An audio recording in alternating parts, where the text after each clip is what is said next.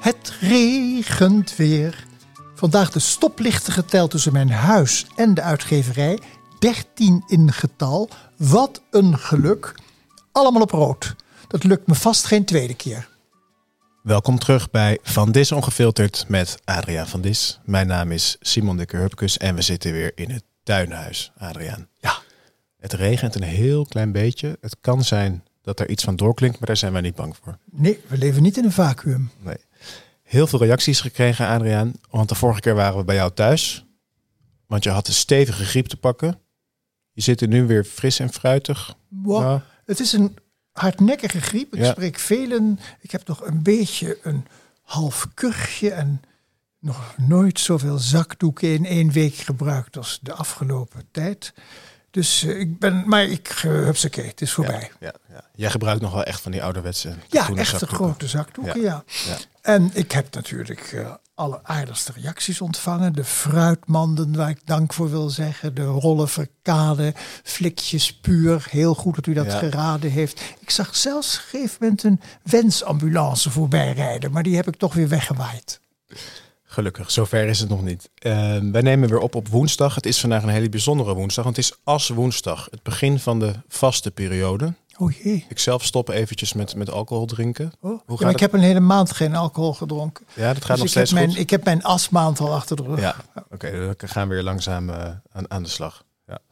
Ehm, we gaan niet, eh, wij zijn geen eh, ditjes en datjes podcast, maar soms heb je wel nieuws dat is eh, zo groot. Daar wil ik wel heel even met jou bij, bij stilstaan.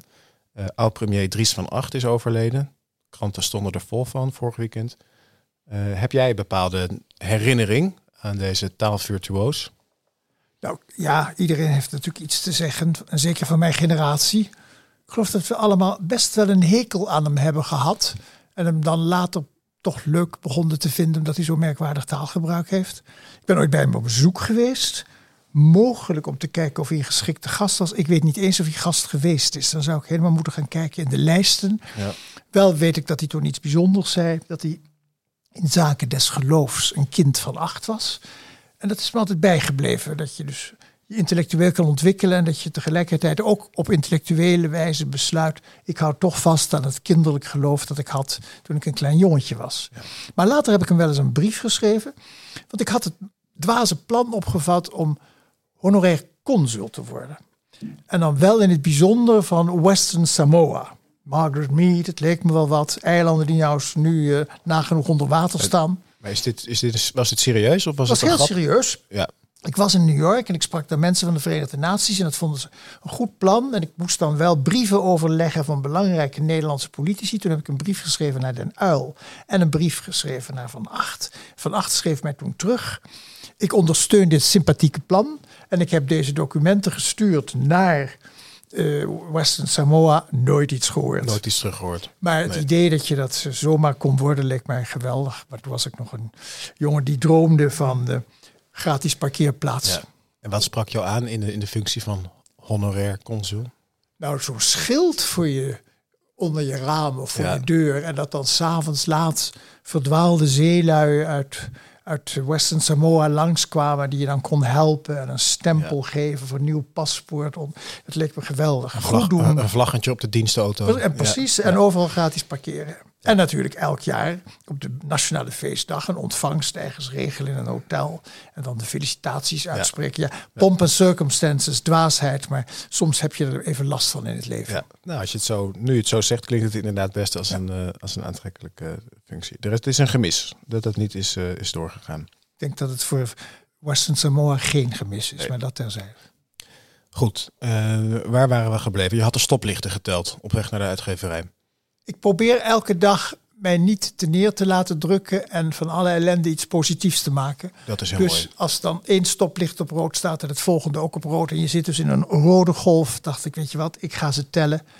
En als je dan ook nog op getal 13 uitkomt, dan is dat dus een geluksgetal. Maar dat zijn kleine onzinnige dingen, maar die heb ik me van jongs af aan al geleerd. Probeer alles tot een verhaaltje te maken, zodat je eh, er een beetje vrolijk van wordt. Misschien is dat ook wel mijn theosofische opvoeding van mijn moeder. dat je altijd de mooiste weg naar huis moet fietsen. En nooit de lelijke weg. Dus beter omfietsen, wat meer kilometers maken en genieten van een mooi uitzicht, dan de lelijke, Geweldig. snelle route. Dus Dat- langs een mooie laan met, met bomen. raad ik ook in plaats van aan. zeg maar Ja. de, de, de fietssnelweg langs een flat. Precies. Nou ja, en eh, maar dat, dat het zoeken naar de schoonheid, naar het mooie in het leven, wordt steeds lastiger. Want als je door zo'n stad fietst, dan zie je hier en daar toch allerlei cameraatjes hangen. Dan denk je, hoe vaak ben ik nou gezien vandaag? En zou ik nog kunnen verdwijnen? Zou ik nog kunnen verdwalen in mijn eigen land? Nou, ooit kocht ik een boekje, dat heet How to Vanish, een zwart glimmend kafje. Dat heb ik in Amerika gekocht. En dat ging over de mogelijkheid om zomaar ja, van uit je staat te verdwijnen, your state, een nieuw leven te beginnen, een nieuwe naam, een andere identiteit. Dat was geïnspireerd op de ervaringen van Amerikaanse jonge mannen die aan de oproep voor de militaire dienst voor Vietnam wilden Maar ontsnappen. dat was echt een soort handleiding. Het Een was niet een, handleiding. een ja, het heel overdrachtelijke interessant zin. Ik Nee, heb het nog ja. steeds staan. Maar vandaag de dag, met eh, dit digitale tijdperk, met GPS-trackers en elektronische betalingen Ja. en gezichtsherkenning, is dat gewoon niet meer mogelijk. En nu las ik in de kranten dat er een groot verlangen onder Nederlanders leeft om in de natuur te wandelen. Het zou goed zijn voor lichaam en geest. Ja. Eh, en je, want die, die verstening van onze leefwereld die schijnt ons mentaal te bezwaren. Nee, dat is helemaal in. Ja, in en de Japan natuur, zou hebben ons, een, ja, eh, de natuur zou ons vleugeltjes geven. Maar nu zegt Natuurmonument, het is te druk geworden. Het wild voelt zich opgejaagd. De vogels schrikken, zeldzame plantjes worden vertrapt. En je moet bij wijze van spreken een, een grote wandeling schriftelijk aanvragen. Ja. Maar wacht even, kunnen we hier heel even op ingaan? Ja. Want ik ben het daar wel een klein beetje mee eens. Ik wandel zelf ook graag. Ja? Maar tegenwoordig zijn er nog ook veel mensen die weten niet helemaal hoe het hoort. Maar in de, de paden op te laden in. Die gaan met harde muziek of, of de eh, mensen op weldadige parfums. Of laten een Rolls Royce slingeren. En voor dank voor het aangenaam verpozen laten zij de schillen naar de dozen. Ja, het is. Maar kijk, weet je wat het probleem is? Nederland heeft natuurlijk geen wijdse natuur meer. Nee. Eh, wat is natuur nog in dit land? Een stukje bos ter grootte van een krant, een heuvel met wat villaatjes ertegen, zoals de dichter Bloem al zo mooi zei, in de Domweg gelukkig in de Dapperstraat. Ik zeg, en heel veel mensen zijn het daar niet mee eens, Nederland is hooguit 10 minuten mooi.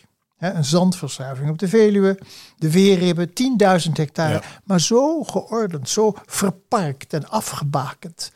En dan al die fantastische knooppunten voor fietsers. En dan zie je mensen volstrekt wanhopig bij knooppunt 136 staan en zoeken aansluiting bij iets anders. Het is te gemaakt. Het is te gekunsteld. En dat doet mij denken aan iets bijzonders en raars. Want 160 jaar geleden bezong de Franse dichter Charles Baudelaire, een van mijn literaire helden die ik in Parijs zeer heb nagelopen en gewandeld, in wel vier teksten ons land als een kunstmatig, kraakhelder paradijs. Ja, dus hij was naar Nederland gegaan en deed daar verslag Nou van. ja, dat zouden wij denken. Want Ja. in die teksten, een van die teksten heet L'Invitation au voyage, uitnodiging tot de reis uit 1869. En dan zegt hij, Là tout n'est que ordre et beauté, où tout est riche, propre et luisant, waar alles schoon is en glanzend. En hij bejubelt een land dat, met- dat gewassen is in de nevels van het noorden, dat zich verwarmt aan de rijkdommen verkregen uit de tropen. De natuur wordt er verbeterd, verfraaid door alchemisten van de bloemsierkunst. Enorme sommen worden er betaald voor die ingenieuze gewassen. De kunst is er superieur aan de natuur. Want Baudelaire hield van, niet van de wilde natuur. De echte natuur vond hij gevaarlijk, vreed, beestachtig. Voor hem was de Franse revolutie de natuur. Hij hield van geometrische vormen, kademuren en door mensenhanden gemaakt land aan het water onttrokken.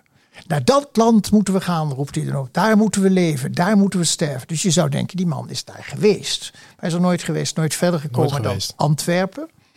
Maar hij heeft zich laten meeslepen door de clichés in de Franse literatuur. Die in, die in zijn tijd opgeld deden.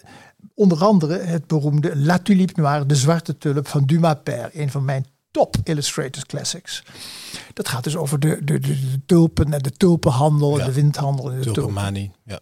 En dan, jij was dus wel ooit van plan richting Nederland te gaan. Maar hij is niet verder gekomen dan Antwerpen. Daar zat hij een tijdje vast en vond hij zo vreselijk dat hij daar ook zijn enige Nederlandse regel heeft geschreven: einde lijk. maar alleen in de verbeelding van Baudelaire dus eh, schone paradijzen. En hij leed ook aan smetvrees, deze man. Bekend is zijn uitspraak: veel vrienden betekent veel handschoenen. En hij verkoos parfum boven de geur van echte bloemen.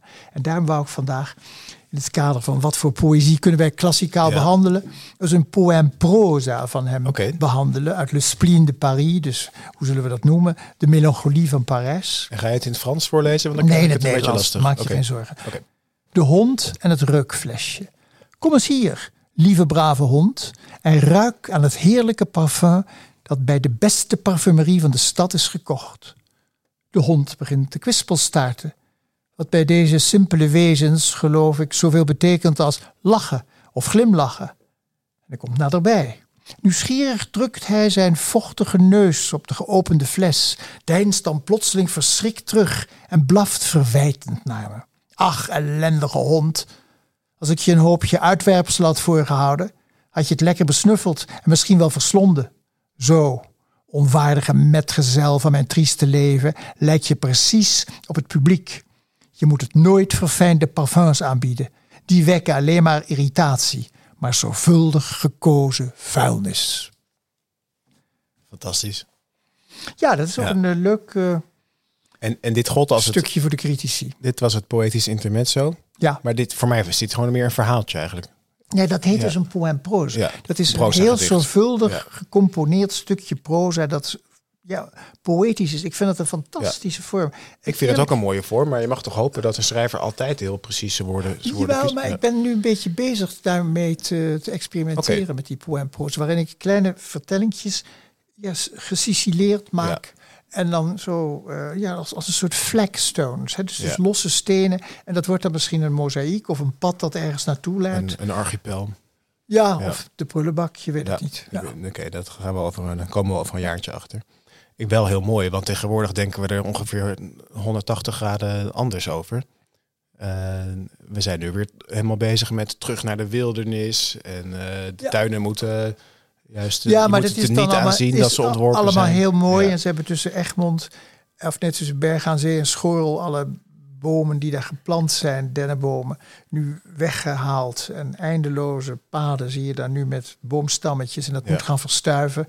Dat is dan een opvatting om weer terug te keren naar een soort oernatuur. Maar ook dat is, ja, als je het fietst, dan ben je er na een kwartiertje weer uit. We wonen gewoon in een, in een stadstaat. Eh, Ja. En we moeten de natuur elders zoeken. De echte natuur. Wel interessant over die parfums. Ik las ooit in de krant een interview met een mevrouw. Die was ook een soort van geurexpert. En die zei, ik experimenteerde soms mee. Dan spuit ik mezelf een parfummertje op van bijvoorbeeld hondenpoep. Ja. En dan ga ik daarmee naar een receptie. En dat levert dus heel leuke reacties op. Want niemand durft te vragen van wie, wie stinkt hier zo. Maar ze merkt dan wel aan de, alle aanwezigen van de- hier er klopt iets niet. Ja, ja. Nou ja, het, het schijnt inderdaad zo te zijn. Dat in die parfum, daar zit ook eh, de strontgeur, is daar een element Ja? in. Ja. Heb jij zelf een, een luchtje? Nee, nee, Nee? helemaal niet. Nee. Is dat niet, eh, waarom niet? Is dat niet netjes? Of hou je er niet van? Ik hou er niet van en ik scheer me, daar zit al een geurtje in. Ja, oké. aftershave heb je wel. Nee, ook niet. Ook niet. Nee, nee, nee. Tandpasta en scheerzeep. Met een ouderwets. Ik scheer me met een, eh, ik scheer nat. Ja. Ja. Dat gaat Ja. veel sneller dan elektrisch. En vind ik het ook schoner. Ja, en ook mooier wordt het dan de baardhaar afgebroken. Anders komen er kleine haakjes aan.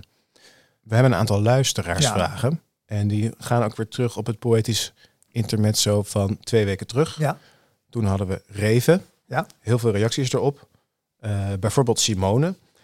Eh, die zegt, ik heb naar aanleiding van eh, het gedicht, het interview dat je met Reven hebt gehouden, teruggezien. Dus uit 1985. Heeft Bartje Groen opgezocht. Als u dit interview nu in deze fase van uw leven opnieuw zou voeren, zou u dan dezelfde intellectuele aanpak kiezen?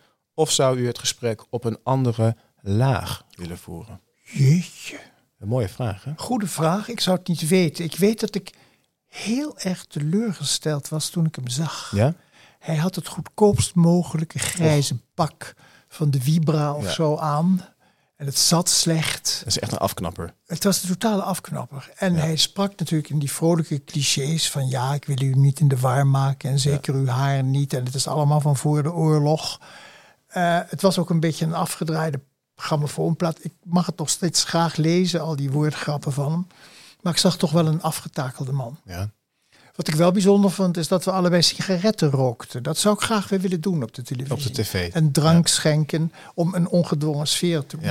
Zou ik het anders doen? Kijk, moet je een schrijver die je zo graag wil hebben in je programma meteen heel kritisch gaan benaderen en zeggen: meneer Reven, die akelige opmerking die u maakt over de bewoners die een vaderland hebben ergens in de tropen, dat ze met de boot naar Taki-Taki-land moeten. Waarom doet u dat? Weet u wel dat u mensen daarmee pijn doet? En waarom heeft, vindt u het zo leuk om zulke akelige opmerkingen te maken? Dat, ik zou dat misschien kritischer hebben gedaan. Toen heb ik hem dat allemaal. Ik, ik heb alles wat hij zei als ironie gezien en daardoor ook niet serieus genomen. Nee. Nee, dus, maar dus. Maar ja, ja. tegelijkertijd is het kun je misschien meer uit iemand uh, maar hoe je erover krijgt als je, als je hem niet meteen ja. attackeert, maar de ruimte geeft om zijn waanzin los te laten. Maar hoe je erover praat klinkt wel alsof je een klein beetje teleurgesteld was. Ik was teleurgesteld. Maar misschien meer in hem dan in het interview. Ja, dat ik zou dat, ik, dat ik kan heel. Ik heb nog nooit interviews van mezelf teruggezien. Nee. Uh, daar ben ik, laat ik maar zeggen, misschien wel te ijdel voor, want ik vind het allemaal niks. Nee. Dus ik, die, die pijniging doe ik mij niet aan. Uh, maar ik was teleurgesteld in de man die ik zo verafgroot had. Dat was wel zo. Ja. ja. Nou, dat is ook een soort regel toch? Van je moet nooit je helden ontmoeten. Want dat kan, nee, ik moet ook zeggen dat de interviews die ik gemaakt heb met de schrijvers die ik heel goed kende, bijvoorbeeld met Breiten Breitenbach, die ik ook bewonder en met wie ik bevriend ben, dat lukt niet. Nee. Want je kunt dan niet een afstand nemen die noodzakelijk is of een kritische toon. Ja. Uh, en tegelijkertijd, ik heb bijvoorbeeld dat zogenaamde conflict met Hermans gehad.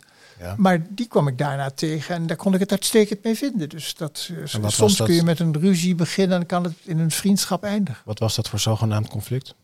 Nou, hij was uitgenodigd en uh, omdat hij in Zuid-Afrika was en hij was in Amsterdam tot persona non grata verklaard. En ik heb hem toen opgebeld in Zuid-Afrika, want ik wist waar hij logeerde. Notabene bij een uitgever die ik goed ken. Hoe komt u uit het adres? Hoe weet u dat ik hier ben? Ik zei, ja, nou, ik heb Zuid-Afrikaans gestudeerd. Ik weet iets van de Zuid-Afrikaanse letteren. Ik zou zo graag met u van gedachten willen wisselen als u in Nederland bent. Over de redenen waarom u er naartoe bent gegaan. Waarom u daar dingen zegt die zelfs in Zuid-Afrika niet goed vallen. Uh, zou het niet interessant zijn als we als twee ervaringsdeskundigen, u bent daar net geweest, ik weet wat er zo'n beetje aan de hand is, met elkaar van gedachten wisselen. Nou, dat was hij toe bereid. Daar moest wel voor betaald worden, wat we nooit deden, maar in dit uitzonderlijke geval wel. 5000 gulden. 5000. Ellen Jens ging naar Parijs om die 5000 gulden, want die wilde hij eerst in ontvangst nemen in Jeetje. Parijs. En zij belde aan Avenue de Niel de trappen op met de envelop van 5000. Hij nam het in ontvangst en deed de deur weer dicht. Nodigde haar dus niet uit na een lange reis. Komt u even binnen, wilt u een kopje thee? Nou ja, dat was dan Hermans. Zo kennen we hem weer. Zo kennen we hem weer. Ja. En uiteindelijk kwam hij. En hij zat tegenover me en hij zat nog niet een minuut of er kwam een diepe, diepe rochel uit zijn onderste long boven. en dan zie je mij ook op die televisie totaal vers verschrikt. Ja. Jeetje, kreetje, hoe moet ik hiermee omgaan? En het was iets van de tweede of de derde keer dat ik überhaupt op de televisie was. Ik had helemaal geen enkele ervaring. En ik begon dus maar voorzichtig dat gesprek en aftastend, maar hij blafte me toe. Hij zag in mij niet een persoon, hij zag in mij de vertegenwoordiging van de Nederlandse journalistiek die hem verbood naar Zuid-Afrika te reizen. En hij zei ook hele malle dingen dat de, de zwarte Zuid-Afrikanen geen enkel belang hadden bij one man, one vote en dat, dat het land er nog niet rijp voor was. Hij pleit in zekere zin voor, uh, voor apartheid, uh, apartheid of in ieder geval voor uitgestelde vrijheid. Terwijl in Zuid-Afrika bijna alle schrijvers en intellectuelen die mening niet hadden. Dus dat was heel merkwaardig. Maar hij was meer ruzie aan het maken met Nederland dan, dan, dan met Zuid-Afrika toen hij daar was. Maar in Zuid-Afrika vonden ze het natuurlijk fantastisch dat deze man al deze vreselijke dingen riep. Ja, nou, we hadden dus een spannend gesprek. Halverwege wist ik bij God niet meer hoe ik verder moest. Dus ik zei, wij zouden dit gesprek kunnen beëindigen. Nou, dat is heel nobel van u, zei hij. Ik dacht, wat moet ik nou vragen? Wat moet ik nou vragen? Wat moet ik nou vragen? Toen kwam er gelukkig nog een vraag boven. En toen stelde ik nog een vraag. En dat is een heel spannend moment op de televisie. Maar dat komt dus voort uit pure wanhoop. Gewoon niet weten wat je vragen moet. Ook omdat hij me daarvoor al had gezegd. Toen ik zei, maar mag ik ook nog iets vragen? Nee, dit is geen vraaggesprek. Dit is een vertelgesprek. Klassieke woorden. De afloop van het gesprek nog een heel strak jasje had ik zo ongelooflijk getranspireerd dat hij mijn arm omhoog deed en hij zag een grote natte vlek onder mijn oksel. Ik heb het u wel moeilijk gemaakt, hè? Ah. En toen Ja. was het eigenlijk ook meteen weer goed tussen Ja. ons. Mooie anekdote. Dankjewel. We waren eigenlijk gebleven bij de luisteraarsvragen, dus ik haak daar weer Ja. even verder op in. Fokke, Fokke, bedankt voor je mail. Had een vraag over de omslagtekening van Naar zachtheid en een warm omhelzen van Annemarie van Haringen. Ja. Eh, en hij vraagt, is het deel van een groter geheel? Dus inderdaad een heel mooie tekening. Dat is het met- ook. En er komt zelfs inkt. binnenkort een prent van. Die. Oh, bij de galerie eh, Christian Ouwens in Rotterdam Hm. eh, in de verkoop komt. Gesigneerd en genummerd en weet ik het niet wat. Annemarie van Haring heeft een tekening gemaakt met een big balpen. Ja. Het is prachtig. Eindeloos gekrioel en kunstig gekras met de beste zin van het woord. Maar als je het boek open doet, dan zie je aan de binnenkant een sterrenhemel. En dat jongetje in dat boek, die kleine Adriaan, die heeft een verrekijker. En die staat op het gefantaseerde dak van het huis, waar die helemaal niet op kan komen. Met die verrekijker naar die sterrenhemel te kijken. Om te kijken of de Russen er al aankomen. Of hij mogelijk een vliegtuig voorbij ziet brommen. Eh, dus dat heeft ze heel mooi eh, gebruikt, dat element van een donkere sterrenhemel boven een huis in een zwarte, door oorlog bedreigde stad. Ja. Dus het heeft wel degelijk een betekenis. Ja. Eh, denkt u nou als luisteraar, ik snap er helemaal niks van? Dan moet je het boek Koop kopen. dan het boek. Of, Ja. of gewoon even naar de Even boekhandel, kijken. het openslaan en lang naar de tekening kijken en dan weer keurig Ja. terugleggen.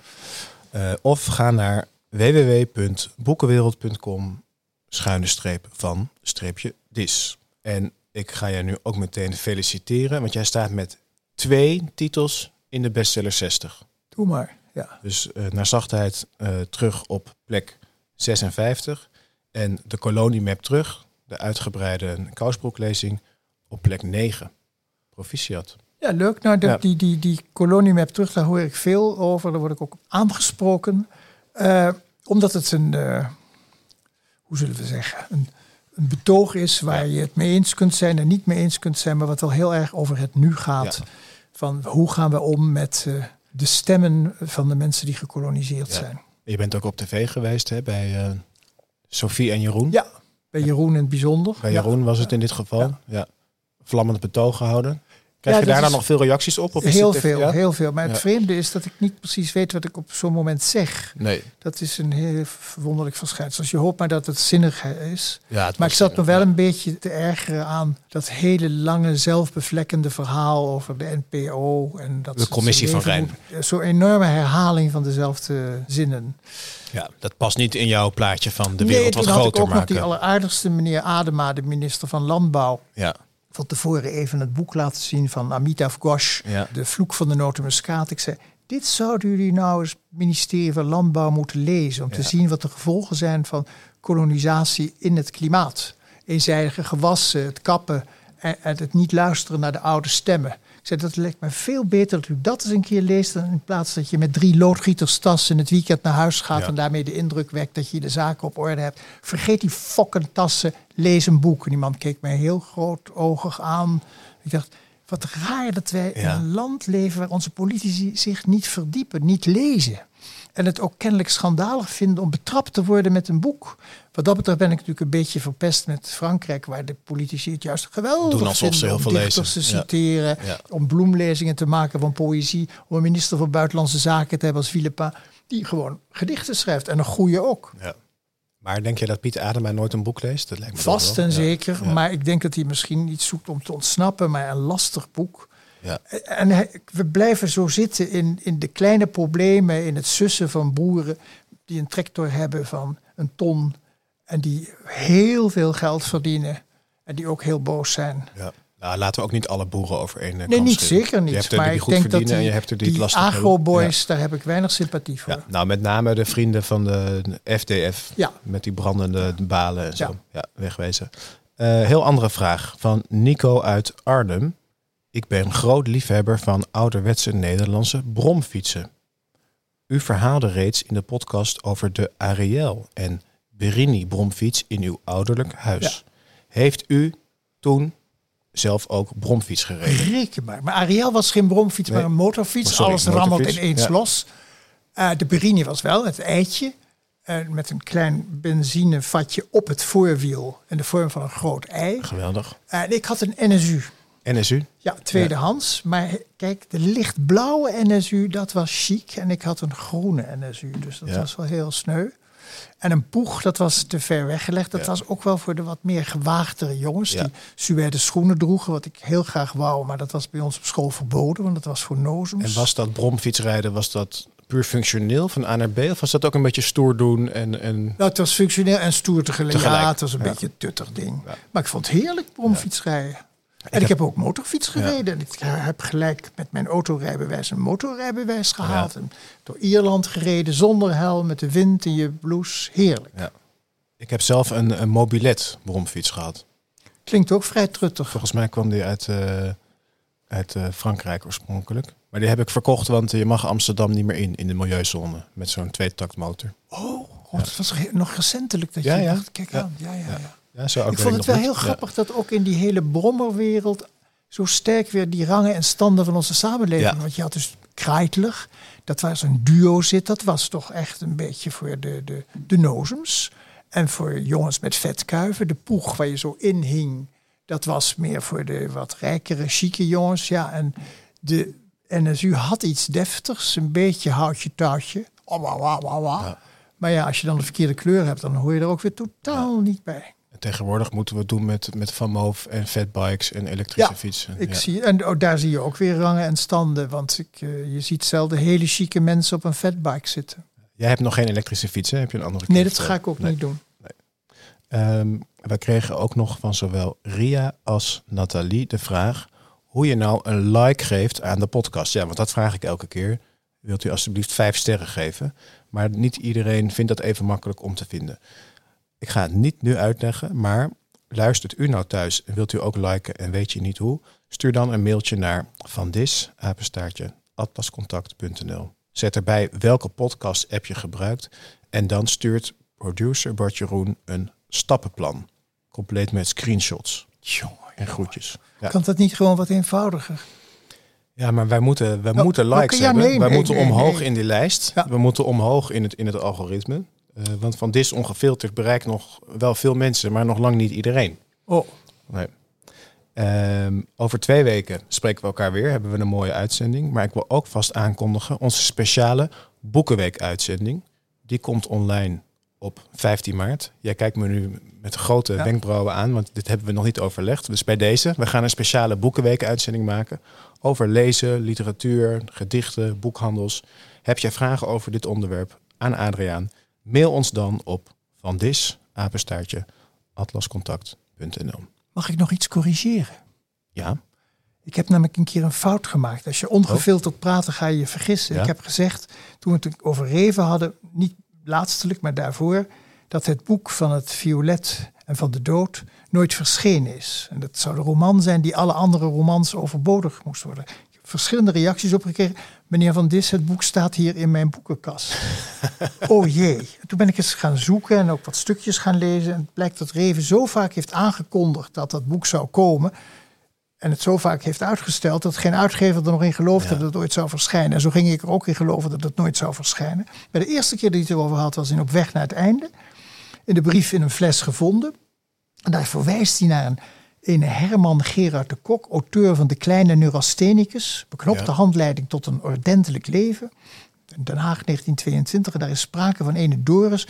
Een arme, zenuwzwakke man van 27 jaar. Een grote, timide jongen die stottert als hij voor je staat. Die Doris gaat gebukt onder de zelf opgelegde plicht om een groot, een machtig boek te schrijven. Een boek waarvan de titel luiden zal van het licht en van de schaduw, van het violet en van de dood. En van de geestdrift. Nou, en daar speelt hij mee. En dan zegt hij later tegen Simon Carmichelt... ja, dat, dat boek dat moet je zien als mijn ideaal. Het is van dezelfde orde als de verlosser die zal komen. Het is van een mythische orde. Het grote werk dat elke kunstenaar eenmaal hoopt te maken... om zichzelf te rechtvaardigen. Nou ja, het verscheen dus gewoon in 1996 bij uitgeverij Veen. dat zijn wij. Dat zijn wij. Ja. LJ Veen, opgegaan in de uitgeverij Atlas Contact. Ehm, we zijn er doorheen, Adriaan. Dankjewel voor deze, deze correctie. Eh, we hebben weer een eh, mooie onderwerpen besproken. Ehm, stuur dus uw vragen naar van dis apenstaartje atlascontact.nl. En ik wil daarbij zeggen, ook als we niet meteen in de daaropvolgende uitzending uw vraag behandelen, sparen wij misschien op voor een ander moment. En u krijgt altijd antwoord van Bart Jeroen. En onderwijl lees ik weer voor u. Ja. En kom ik de volgende keer met een paar mooie boekentips. Boeken, ja, films of tentoonstellingen. Jij doet van alles. Ja. Ik heb die, oh, Oh. die Old Oak gezien van Ken Loach.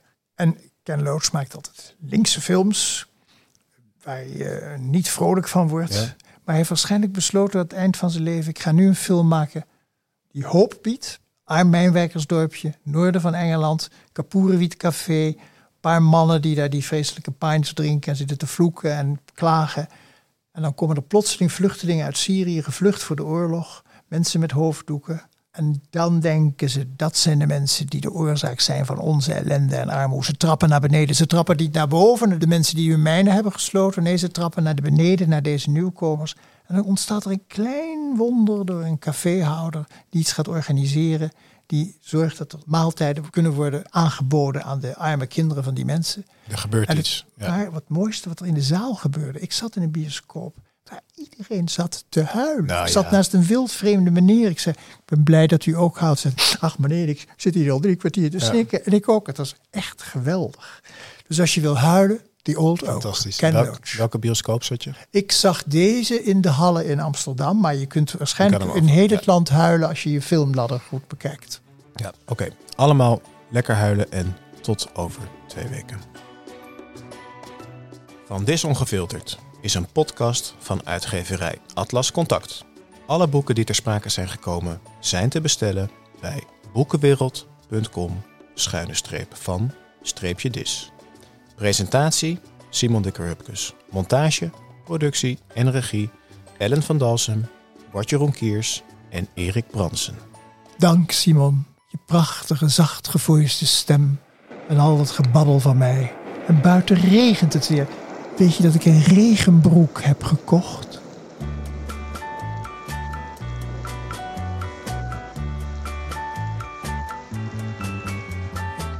Zachtjes stikt de regen op mijn zolderraam. Ritme van de eenzaamheid. Die regen zegt we waren zo gelukkig samen. Maar nu is dat verleden tijd.